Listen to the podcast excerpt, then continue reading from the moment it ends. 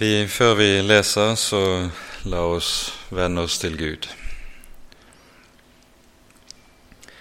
Kjære gode Herre og Hellige Far. Vi takker og lover deg at vi på ny skal få lov til å samles om ditt ord, og at du har lovet at du selv kommer til oss i ordet og gjennom ordet.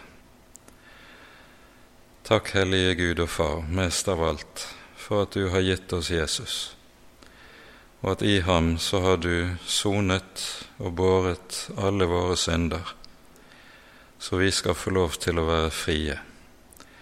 Vi skal få være dine frie barn, både i liv og i død.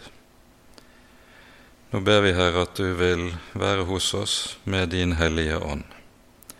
Gi lys i ordet ditt, så vi kan forstå det og legg ordet ditt inn i våre hjerter, at vi også må bli bevart. Det ber vi for ditt eget navns skyld. Amen.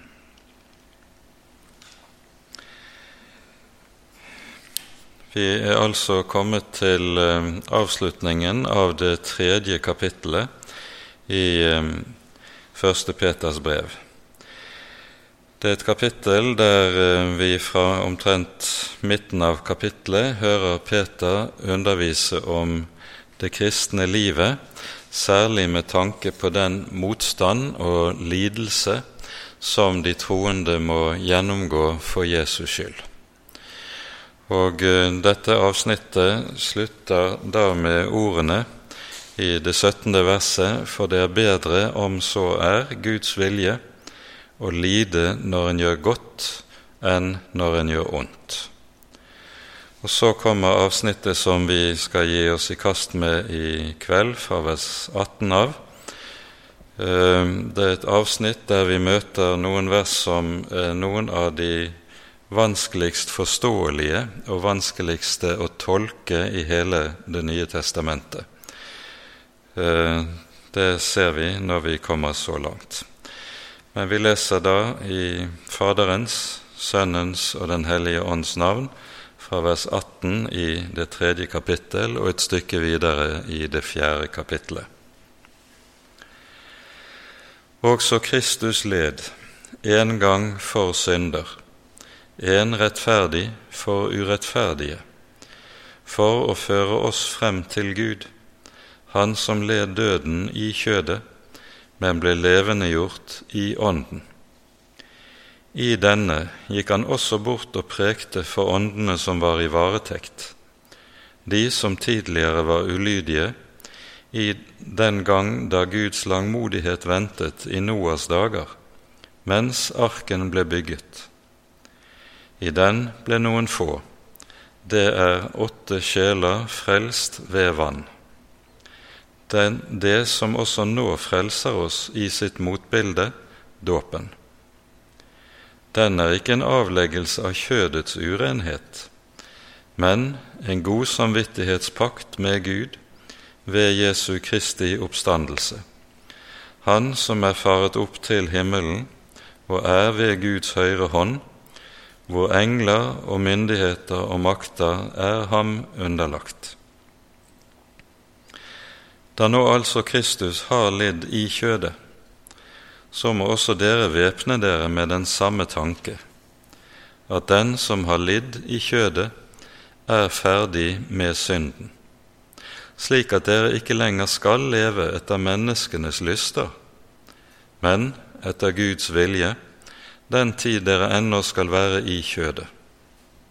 For det er nok at dere i den tid som er gått, har gjort hedningenes vilje ved å ferdes i skamløshet, lyster, drukkenskap, festing, drikkelag og i skammelig avgudsdyrkelse. Nå undrer de seg over at dere ikke løper med dem ut i den samme strøm av utskeielser, og derfor spotter de dere. Men de skal gjøre regnskap for Han som står ferdig til å dømme levende og døde. For derfor ble evangeliet forkynt også for de døde, for at de vel skulle dømmes som mennesker i kjødet, men leve som Gud i Ånden. Men alle tings ende er kommet nær.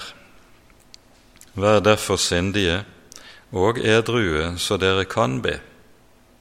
Fremfor alt, ha inderlig kjærlighet til hverandre, for kjærligheten skjuler en mengde av synder. Vær gjestfrie mot hverandre uten knurr, og ettersom enhver har fått en nådegave, så tjen hverandre med den som gode husholdere over Guds mangfoldige nåde. Om noen taler, han taler som Guds ord. Om noen tjener, han tjener ved den kraft som Gud gir, for at Gud må bli æret i alle ting ved Jesus Kristus, ham som æren og makten tilhører i all evighet. Amen. Der setter vi punktum for kveldens lesning, og så får vi se om vi når så langt. Avsnittet begynner altså med det 18. verset som vi leste, og som vi så lite grann på forrige gang. Det som er viktig å merke seg i denne sammenhengen, er hvordan talen om det kristne liv alltid i Det nye testamentet knyttes sammen med hva vi eier i vår Herre Jesus.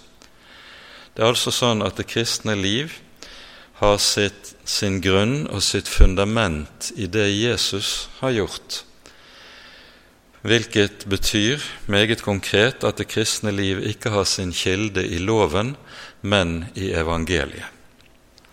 Og Derfor ser vi også at Peter er veldig nøye med at han begrunner talen om det kristne livet nettopp i, ved å peke på hva Jesus har gjort, hva han har ofret. Og så blir Jesus både forbildet i, i det han gjorde i forbindelse med sin lide, lidelse. Han skjelte ikke igjen når han ble utskjelt, han truet ikke når han led, slik Peter skriver tidligere, samtidig som Jesus også er den som ved sin lidelse bærer den synd vi har i vårt bryst. Når vi har lyst til å gjøre gjengjeld for det onde vi blir utsatt for. Vi pekte på hvorledes bergprekenen understreker med stor styrke Jesu tale om dette at en kristen skal ikke hevne seg, ikke gjøre gjengjeld. Men nettopp denne trangen til hevn og til gjengjeld ligger dypt, dypt nedlagt i oss som en del av syndenaturen, og nettopp dette er også en del av det Jesus tar på seg og bærer i sin lidelse og i sin død. For han bærer jo ikke bare de ytre handlinger vi gjør, men han bærer også det som ligger i våre hjerter, våre onde lyster. Slik er det altså Peter knytter talen om livet sammen med hva vi eier i Jesus så er det et særegent uttrykk som møter oss her i dette verset, som vi ikke sa stort om sist gang. Det står at Jesus led en gang for synder, en rettferdig for urettferdige, for å føre oss frem til Gud. Her brukes det et særegent uttrykk som har en spesiell betydning i det greske språket. Det er slik både i dag, akkurat som det var den gangen, at er du i audiens på Slottet, så får du ikke komme inn til kongen uten videre. Men det kommer en ut fra kongen og henter deg. Og denne mannen som henter deg og fører deg inn til kongen, han har et spesielt navn, som er det ordet som anvendes her i denne sammenhengen. Kristus led for å være en slik som fører oss inn i audienssalen, inn til kongen. Samtidig er dette et uttrykk som har sin særlige parallell til det vi hører om Israel når de står ved Sinai berg. Eh, når Israel er samlet ved Sinai, så kaller Herren først Moses opp på berget og gir de grunnleggende ordene Dersom dere hørende hører min røst, sier Herren, da skal dere være mitt, min eiendom fremfor alle folkeslag. Dere skal være et kongerike av prester og et hellig folk.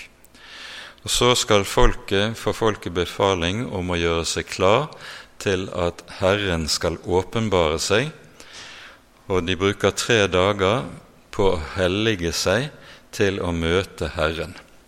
Og Så står det i det 17. verset i kapittel 19 i 2. Mosebok at på den tredje dagen så førte Moses folket ut av leiren til møte med Herren.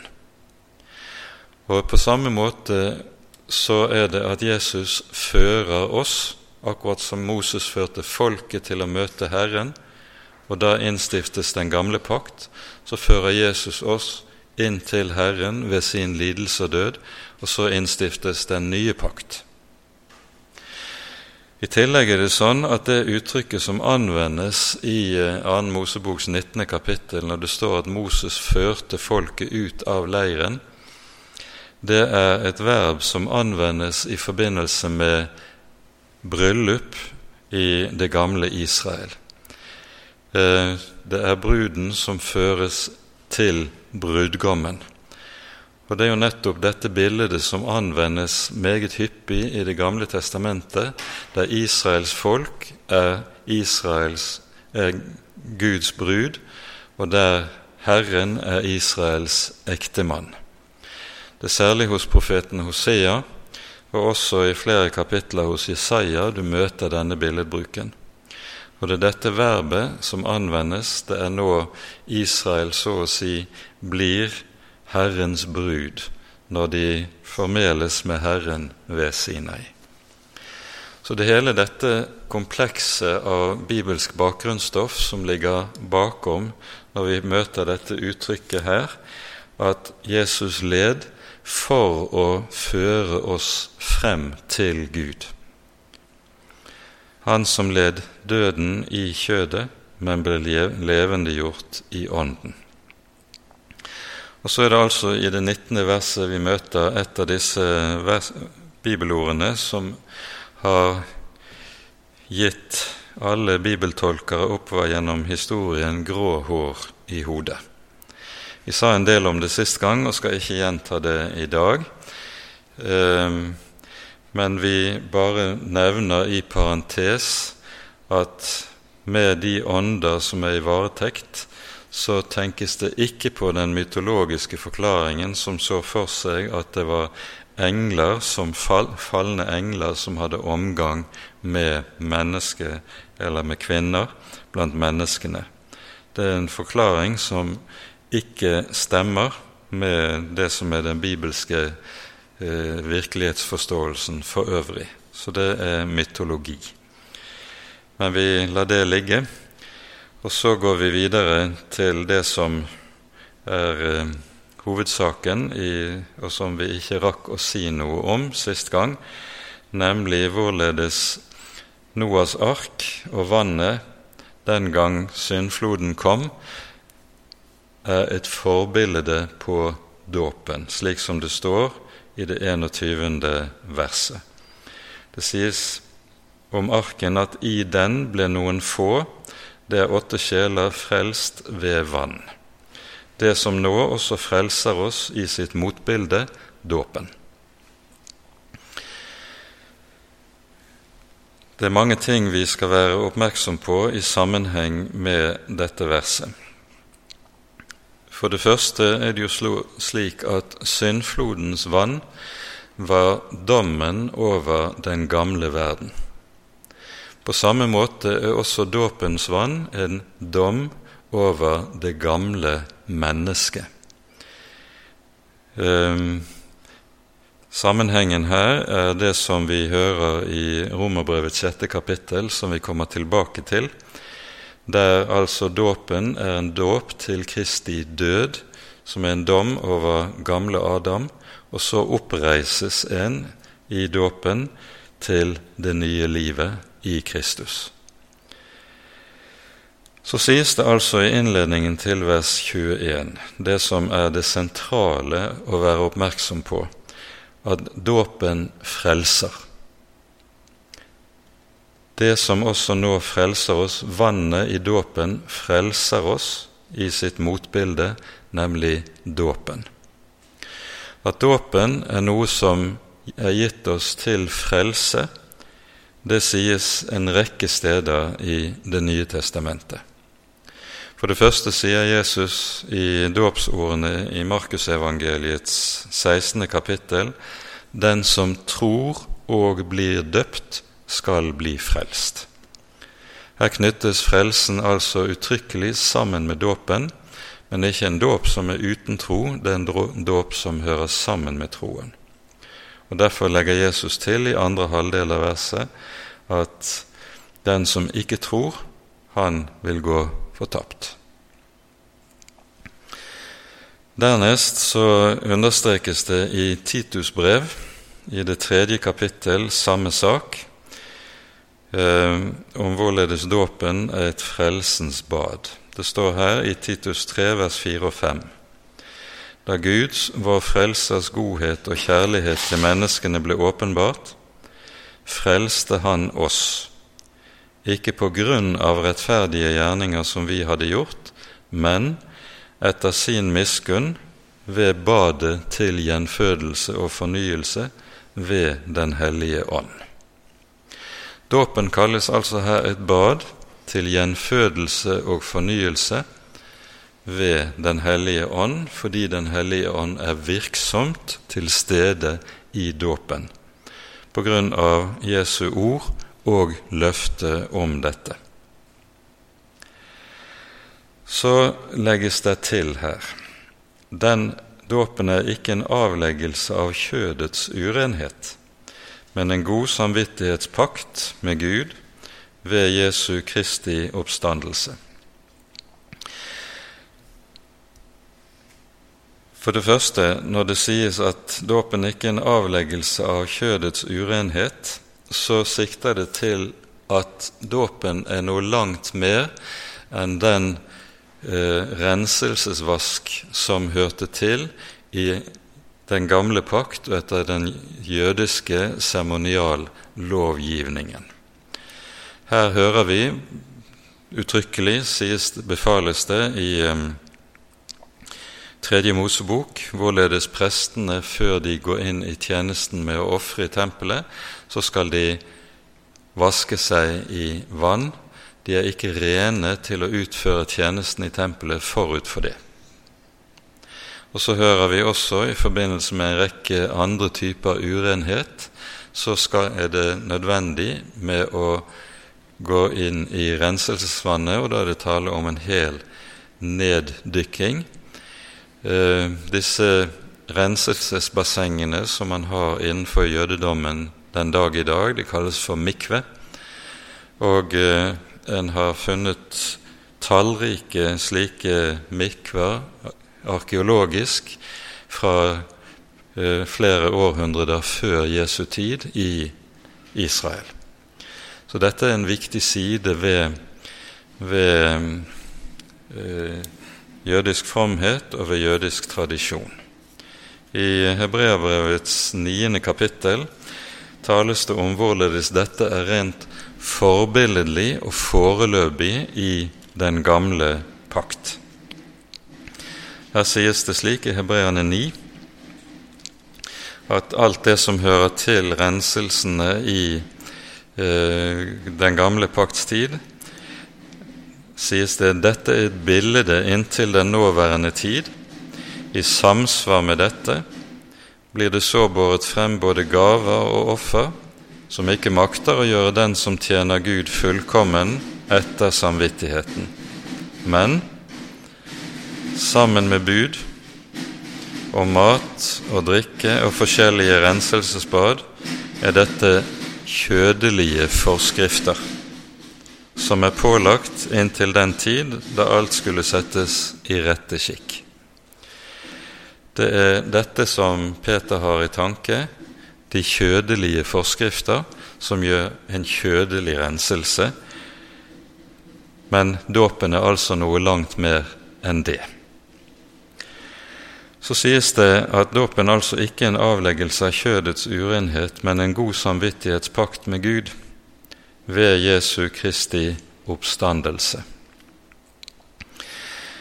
Denne siste delen av eh, verset eh, anvendes som delvis begrunnelse blant de som avviser barnedåpen. De mener at eh, fordi dåpen er en god samvittighetspakt med Gud, så kreves det at et menneske er tar et bevisst standpunkt og så å si inngår en hjertepakt med Gud. I, og derfor eh, er dette noe som er umulig for små barn å gjøre. Hva skal vi si til det? Det er viktig å være oppmerksom på at eh, begrepet pakt er slik at vi møter det i to grunntyper i Bibelen. Bibelen taler om lovpakt og nådepakt. Lovpakten har det med seg Pakt betyr jo en juridisk bindende avtale. Det er det en pakt er. Lovpakten har det med seg at det er en gjensidig pakt. Den sier det at ders, dersom du gjør slik og slik, da vil Gud gjøre slik og slik. Og det er det loven jo sier. Den sier dersom du gjør det, skal du leve. Dersom du gjør det, skal du arve velsignelse. Lovpakten er en gjensidig pakt fordi det er slik at det, begge parter skal gjøre hver sine ting. Jeg gjør mitt, Gud gjør sitt. Det er lovpakten. Nådepakten den er i stedet noe ganske annet. Den er det vi kaller for en ensidig pakt. Det betyr at alle forpliktelser i pakten påligger den ene part, mens den andre part ikke har noen forpliktelser, kun løfter. Og Det er nettopp det nådepakten er. Det er Derfor er pakten med Abraham forbildet på nådepakten, som er den nye pakt som vi finner i Kristus. Dette er Paulus sin undervisning bl.a. i Galaterbrevet. Og Nådepakten har da med seg at det er ikke jeg som skal gjøre noe for at Gud skal gi meg liv, velsignelse, frelse osv. Tvert om, han lover å gi alt dette for intet for intet. Poenget er jeg skal ikke oppfylle noen betingelser for å få det Gud lover i nådepakten, nemlig i evangeliet. Fordi Jesus har oppfylt alle betingelser for at jeg skal få det som loves i nådepakten. Derfor er det slik at i nådepakten så er jeg satt fri fordi Jesus har gjort det som er nødvendig. Da blir spørsmålet, hvis vi vender tilbake til dette ordet i 1. Peter 3, når det taler om en god samvittighetspakt med Gud, er det her tale om en lovpakt, eller er det tale om en nådepakt? Det er klart at når det taler om dåpen, så er det tale om nådepakten. Det er altså ikke slik at det her er tale om noe jeg skal gjøre for at jeg skal kunne være en rett kristen, men Gud har gitt et løfte i nådepakten, et løfte som henger sammen med at Jesus har båret alle mine synder, har tilgitt mine synder, og derfor kan jeg stå med god samvittighet. Det er poenget. Derfor er den tankegangen som en finner innenfor baptistisk eh, teologi, veldig problematisk, fordi den ser bort fra dette, det nye, dette skillet som Det nye testamentet etablerer mellom nådens pakt og lovens pakt. Det som skjer der en på dette grunnlag avviser barnedåpen, det er at en gjør dåpen til en menneskets gjerning. Men poenget med hele dåpen er at den ikke er min gjerning. Det er ikke noe jeg gjør for Gud, men det er en Guds gjerning. Det er noe Gud gjør for meg og med meg. Og det er bare derfor det kan stå sånn som det står, at dåpen frelser. For frelse er ikke noe jeg kan gi meg selv. Frelse er noe som bare Gud kan gi og kan gjøre, ikke jeg. Det som skjer innenfor baptistisk tenkning, det er jo at man sier det at dåpen derfor er min gjerning, ikke Guds gjerning. Og hvis det er min gjerning, så må det naturlig nok bli slik at jeg må bli stor nok for å kunne gjøre det som kreves. Jeg må forstå hva jeg skal gjøre for å kunne gjøre det som kreves. Og følgelig kan man da ikke døpes før man er blitt så og så gammel.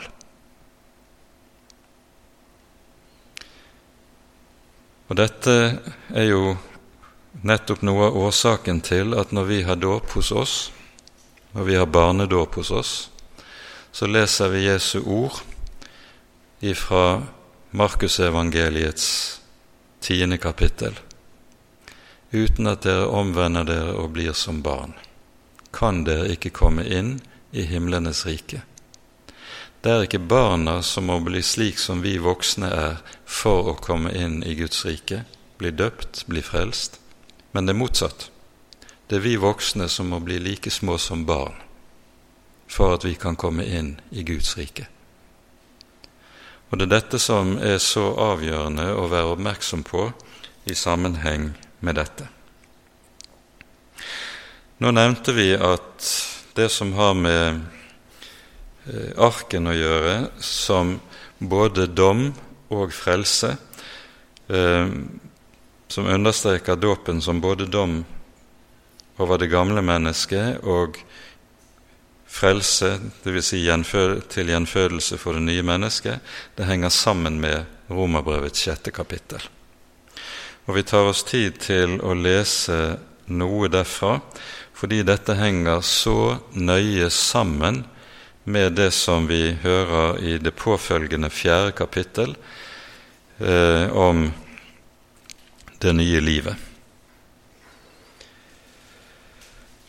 Paulus er blitt beskyldt for å forkynne et evangelium som innebærer frihet for det gamle mennesket.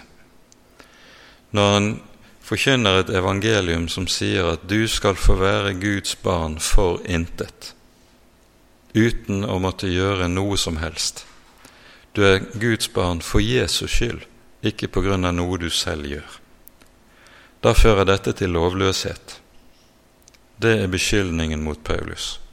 Og Derfor innledes kapittel 6 i Romerbrevet slik Hva skal vi da si? Skal vi forbli i synden for at nåden kan bli desto større? Langt derifra. Vi som er døde fra synden, hvordan skulle vi enda kunne leve i den? Eller vet dere ikke at alle vi som ble døpt til Kristus Jesus, vi ble døpt til hans død? Vi ble begravet med ham ved dåpen til døden, for at like som Kristus ble reist opp fra de døde ved Faderens herlighet, så skal også vi vandre i et nytt levnet.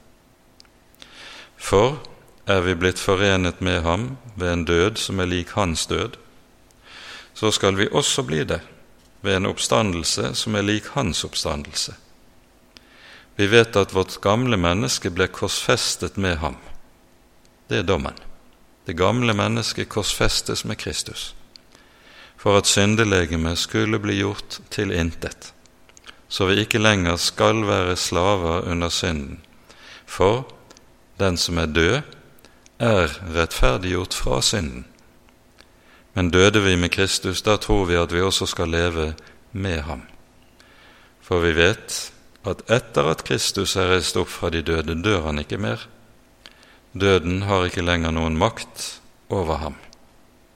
For sin død, den døde han én gang for synden, men sitt liv lever han for Gud. Slik skal også dere regne dere som døde for synden, men levende for Gud i Kristus Jesus. Det dåpen gjør, det er at den forener oss med Jesu død og oppstandelse, på en slik måte at vi forenes med Kristi kors, dør og begraves sammen med ham, og så reises opp igjen ved Kristi oppstandelse til et nytt liv. Og Derfor er det å leve som kristen det er å leve ved Kristus, i kraft av Kristi oppstandelse. Det er ikke å leve i kraft av noe jeg selv kan få til. Og Dette er uhyre viktig å være klar over. Vi lever ved Ham, ikke ved oss selv eller i kraft av noe vi er i oss selv. Nå, Hvis vi nå går tilbake til det vi hører i 1. Peters brev, så må jeg bare få føye inn en liten parentes når det gjelder arken. Ehm, vi har vel alle sammen helt fra søndagsskolen av sett eh, ulike tegninger av arken og hvordan Noah bygget en båt som var stor nok til å romme alle verdens dyr. Vi skal være klar over at Noah bygget slett ingen båt. Arken, begrepet ark, det betyr en kasse. Han bygget en kasse som uh, uh, slett ikke var i stand til å seile eller å navigere. Kassen skulle rett og slett bare kunne flyte. Og så sørget Gud for at den landet der den skulle lande når tiden kom dit. Så formen på Noas ark var slett ikke en båt, det var en firkantet kasse. Det er det som uh, ligger i selve ordet ark, men det er nå bare en parentes. Så avsluttes det tredje kapittel med ordene Han som er faret opp til himmelen og er ved Guds høyre hånd, hvor engler og myndigheter og makter er ham underlagt. Og Det er ikke tilfeldig at Peter avslutter dette kapittelet med disse ordene. For det som er talt om tidligere i kapitlet, når det taler om det fiendskap, den motstand og forfølgelse som de troende møter, det som ligger bak dette, er nettopp maktene og myndighetene som eh, nå er underlagt Herren Jesus Kristus, så betyr det at de kristne nettopp av den grunn kan bevare frimodigheten selv om de opplever fiendskapet fra disse. I Efeserbrevets sjette kapittel, når Paulus taler om Guds fulle rustning, så sier han uttrykkelig vi har ikke en kamp mot kjøtt og blod, altså mot mennesker, men mot makter og myndigheter, mot verdens herrer i dette mørket. Vi møter fiendskapet gjennom kjøtt og blod, gjennom mennesker. Men kampen skal aldri være mot mennesker. Kampen er mot de makter og myndigheter som står bak, og som er så å si inspirasjonskraften for dette fiendskap. Og så skal vi vite at Jesus har overvunnet disse. Han sitter ved Faderens høyre hånd, og derfor kan Guds folk være frimodige, selv under motstand og under motgang. Og Guds folk skal vite at motbakken, det er normalsituasjonen for Guds rike her i verden. For denne verdens fyrste vil aldri la evangeliet, og dermed Guds folk, være i fred. Vi skal ikke si mer om det i denne sammenheng, men det må nevnes. Vi fortsetter så i det fjerde kapittelet. Og Nå vender Peter tilbake til de troendes liv. Da nå altså Kristus har lidd i kjødet, så må også dere væpne dere med den samme tanke at den som har lidd i kjødet, er ferdig med synden. Og Her har du forbindelsen til Romerbrevets sjette kapittel, som vi har lest fra. Når Jesus døde på korset, så gjorde han seg ferdig med synden. Hvilken synd? Ikke sin egen, for han hadde ikke egen synd. Men han gjorde seg ferdig med din og min synd. Din og min synd, ditt og mitt syndelegeme ble korsfestet med Kristus og lagt i graven med Kristus, og der ligger det. Og Derfor sier Paulus i slutten av avsnittet som vi leste i Romerbrevet 6. kapittel, dette skal dere regne med. Du skal regne deg som død fra synden, men levende for Gud i Kristus. Dette er noe vi ikke ser med våre øyne eller føler med våre følelser. Med våre følelser så føler vi jo i høy grad at synden kan være levende. Men evangeliet forkynner dette er du død fra. Du ser det ikke, du føler det ikke, men du skal regne med det. Du skal regne med det som er gitt deg i evangeliet, som er gitt deg i og med ordet om Jesu kors, og hva Jesu kors innebærer. Men å regne med det vi ikke kan se, det er noe av det som er vanskelig. Det er noe av det som hører til troens kamp her i verden. En kamp som vi stadig snubler i, alle sammen. Men like fullt står det der. Derfor skal dere regne dere som døde for synden, men levende for Gud, ved Kristi rettferdighet. Den som har lidd i kjødet, er ferdig med synden, slik at, og så fortsetter det, dere ikke lenger skal leve etter menneskenes lyster, men etter Guds vilje den tid dere enda skal være i kjødet. For det er nok. Det er nok at dere i den tid som har gått, har gjort hedningenes vilje ved å ferdes i skamløshet, lyster, drukkenskap, festing, drikkelag og skammelig avgudsdyrkelse.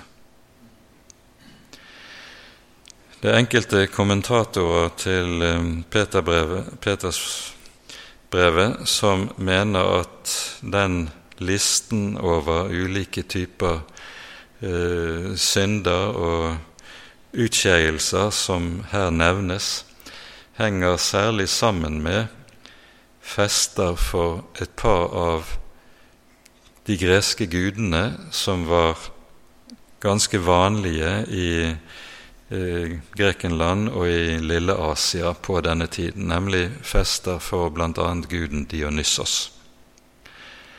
Til disse festene hørte det meget eh, løslupne og skamløse utskeielser, både seksuelt og i form av drikking, og selvfølgelig var det en fest for avguden Dionysos. Eh, det er godt mulig at så er tilfellet. Og disse festene de var meget populære, naturlig nok. Og de um, var fester som der hele byenes befolkning deltok. Så er det plutselig noen som ikke lenger vil delta i dette. Og det er klart at dette er noe alle da legger merke til. Hvorfor vil dere ikke lenger være med? Alle er jo med her. Hele byen. Dette er jo byenes fester. Nei, de kristne var ikke med på dette. Og så er det dermed slik at ikke bare møter de kristne motstand og spott på grunn av sitt vitnesbyrd om korset, ordet om korset som er en dårskap for hedningene. Men de møter også motstand, spott, på grunn av at de ikke lever som alle de andre. Det blir veldig tydelig at de kristne levet annerledes. Det som vi her står overfor, det er nøyaktig det samme som Israels folk kom til å stå overfor når de skulle inn i det lovede land. I Tredje Mosebok fra det 18. til det 20. kapittel så møter vi den delen av boken som kalles for hellighetsloven.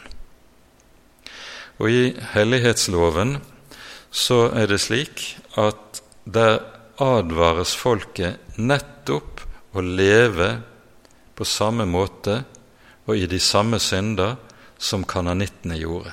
Slik de gjorde, skal dere ikke gjøre. Vi kan lese noen vers fra Tredje Mosebok.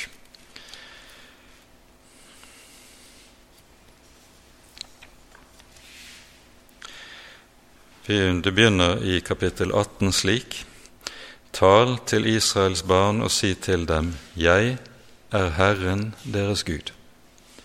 Dere skal ikke gjøre som de gjør i landet Egypt, som dere bodde i. Og dere skal ikke gjøre som de gjør i Kanans land, som jeg vil føre dere til. Dere skal ikke vandre etter deres skikker. Dere skal gjøre etter mine bud. Dere skal holde mine lover så dere følger dem. Jeg er Herren din Gud. Og så slutter det 18. kapittel med uhyre alvorlige ord om at dersom Israels folk skikker seg like, ta etter hedningenes skikker i Kanaans land, så skal Herren la landet utspy dem, akkurat som landet spydde ut kananittene. Og Det 19. kapittel leser vi slik. Uh,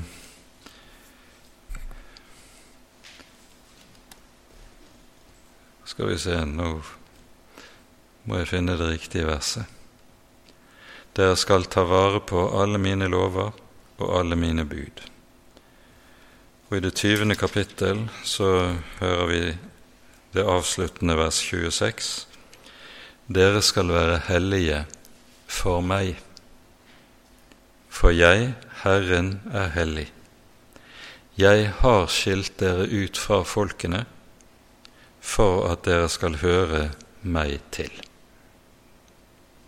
Guds folk lever ikke som denne verdens mennesker. Herren har helliget dem, og så skal de leve som hellige.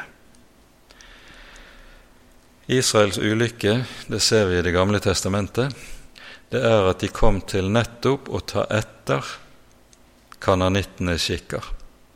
Og Det gjaldt både deres gudsdyrkelse og det gjaldt deres sedelige synder. Dette er alle profetene sin forkynnelse gjennom Det gamle testamentet et eneste sammenhengende vitnesbyrd om. Og Dette er jo også noe av det som er en stadig fristelse for oss som kristne, å ta etter den måten verden omkring oss lever på. Det å stikke seg ut ved å være annerledes, det kan ha sine omkostninger.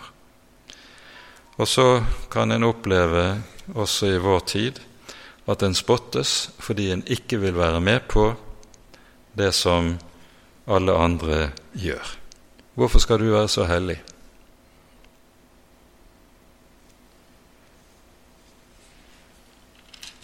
Men dette er altså det som Peter nå kommenterer i dette avsnittet. Vi leser fra vers 4.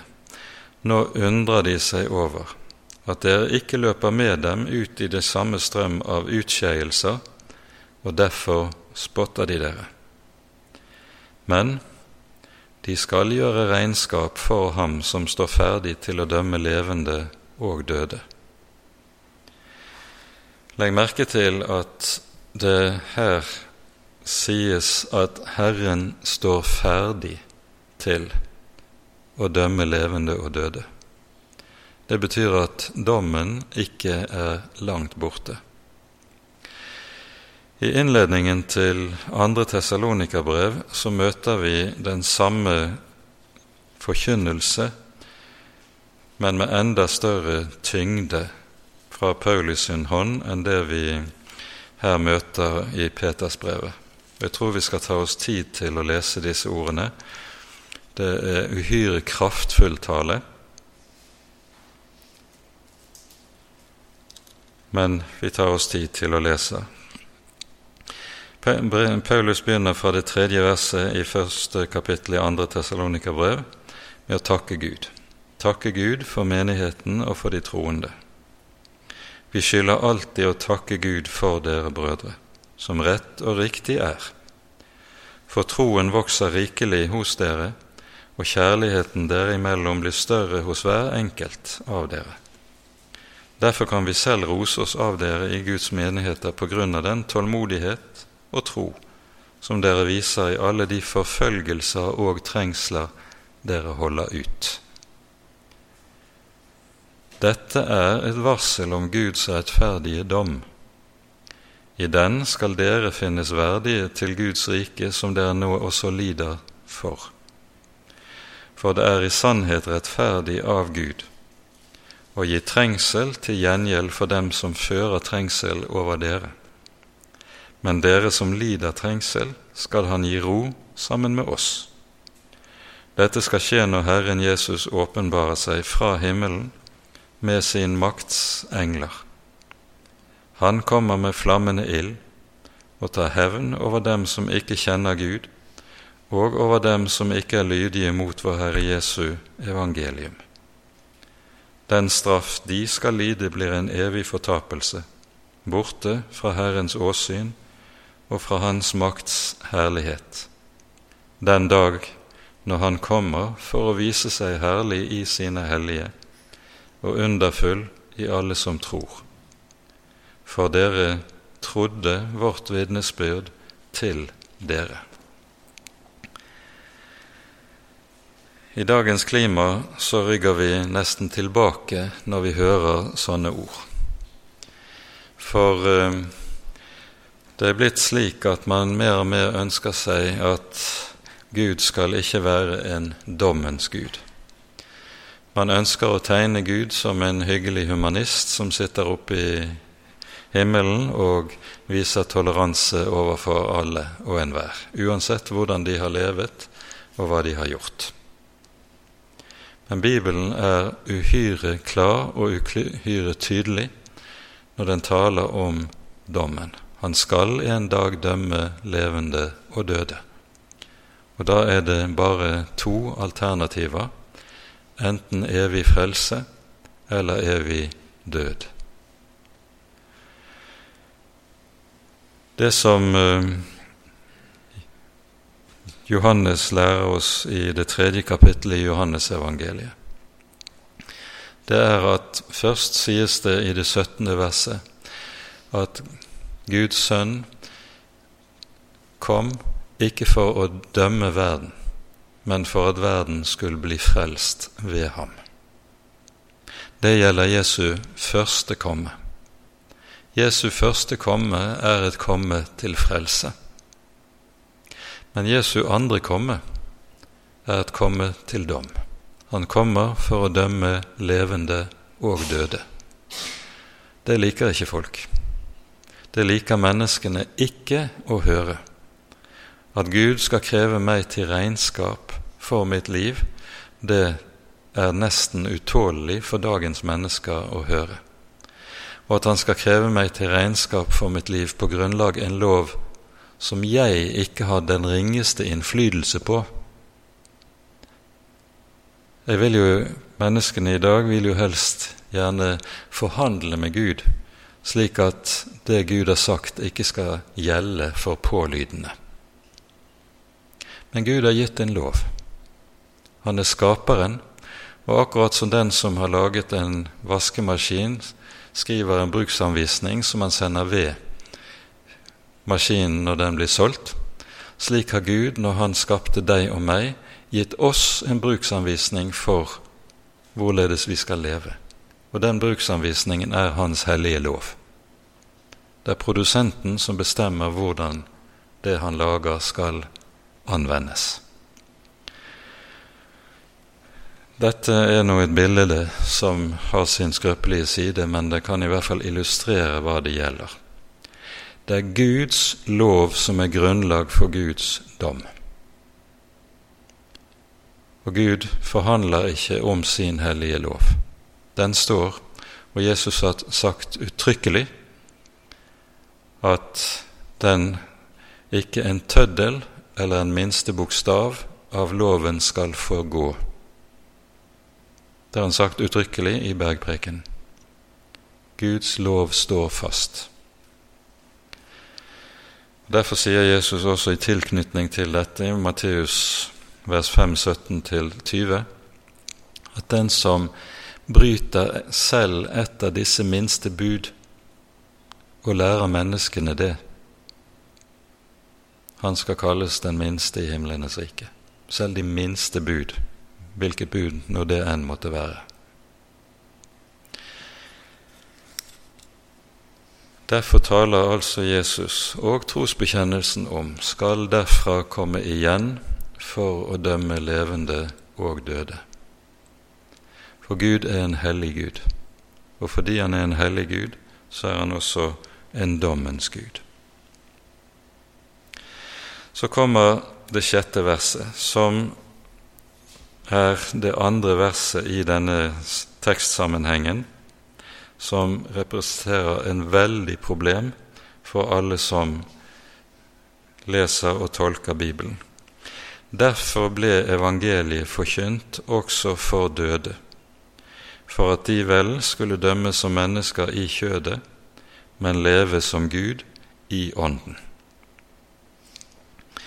På grunnlag av dette verset er det noen tolkere som har ment at eh, det er mulighet for omvendelse etter døden. Dette er noe hvor Herre Jesus uttrykkelig avviser. Det ser vi veldig tydelig i teksten om den rike mann og Lasarus i Lukasevangeliets 16. kapittel. Der er det sånn at den rike mannen våkner opp i dødsriket, og så ber han fordi han tørster, og det er i ilden, så ber han om at Lasarus skal komme over og slukke tørsten hans med en dråpe vann.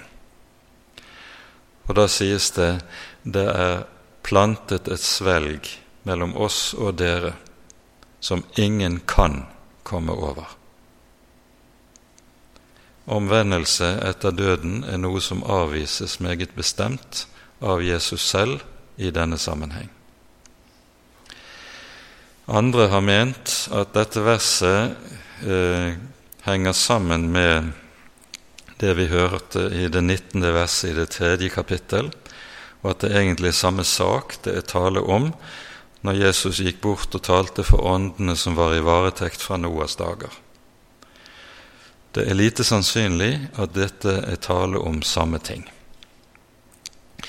I det 19. verset i det tredje kapittel er det høyst rimelig, hvis vi gir akt på den bibelske sammenhengen, at det taler om at Jesus forkynner dom for de ånder som er i varetekt.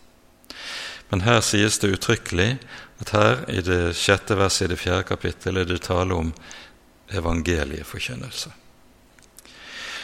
Atter andre forkynnere har prøvd å løse dette slik at her er det tale om eh, de mennesker som ikke her i livet har hatt anledning til å høre evangeliet, og dermed hatt muligheten til å komme til frelse og omvendelse, at de etter sin død skal ha mulighet til å finne omvendelse.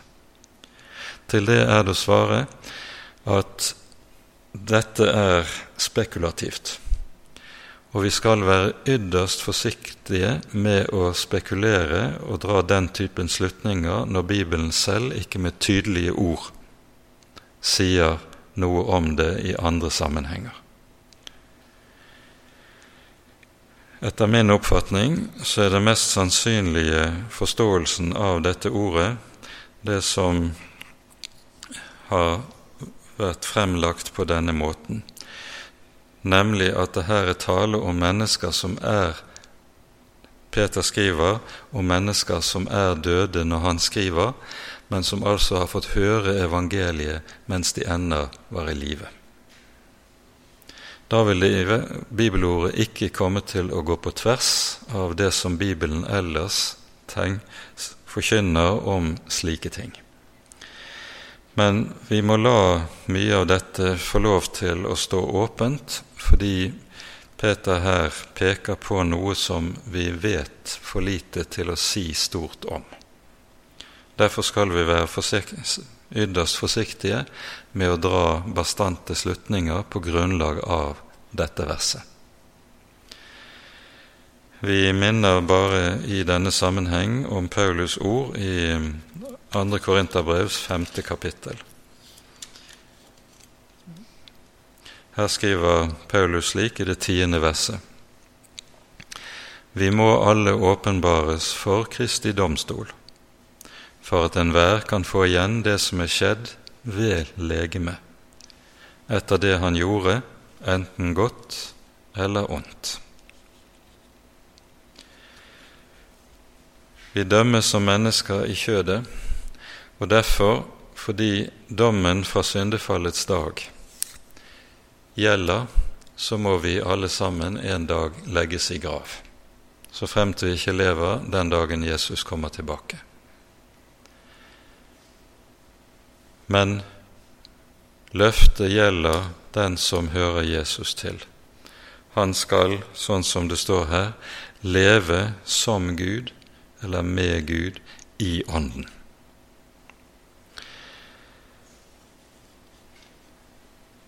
Det som er det avgjørende skillet, det er forholdet til Jesus. Og Derfor sies det også i avslutningen av det tredje kapittelet i Johannes evangeliet Den som tror på Sønnen, har evig liv. Den som ikke vil tro på Sønnen Legg merke til uttrykksmåten. Den som ikke vil tro på Sønnen, over ham blir Guds vrede. Og Guds vrede åpenbares på det vis at da skal et menneske dømmes etter loven. Den som ikke tror på Jesus, han må på den siste dag møte Gud på lovens grunnlag. For dette er jo en grunnlov i Skriften. Enten lever et menneske under evangeliet, lever et menneske under evangeliet, da gjelder alt hva Jesus har gjort for meg. Det gjelder i liv, og det gjelder i død, det gjelder på dommens dag.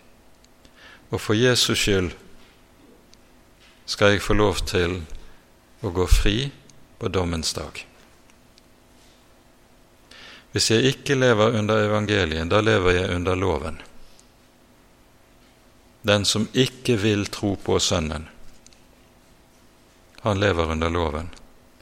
Og dermed skal han også dømmes etter loven. Og et menneske som dømmes etter loven, for det mennesket er det intet håp. Jobb sier i møte med noe av dette at han kan ikke spare Gud ett til tusen. Og slik er det med det mennesket som må svare Gud ut fra loven. Vårt eneste håp det er at vi har en som har tatt på seg våre synder. En rettferdig død for urettferdige, og for hans skyld er vi frie. For hans skyld har vi håp. Hans skyld, for hans skyld behøver vi ikke å frykte på dommens dag. Det er evangeliet. Og med det må vi sette punktum for i kveld. Vi rakk ikke frem til det ellevte verset i fjerde kapittel. Det får bli til neste bibeltime. Ære være Faderen og Sønnen og Den hellige ånd, som var og er og være skal, en sann Gud, høylovet i evighet. Amen.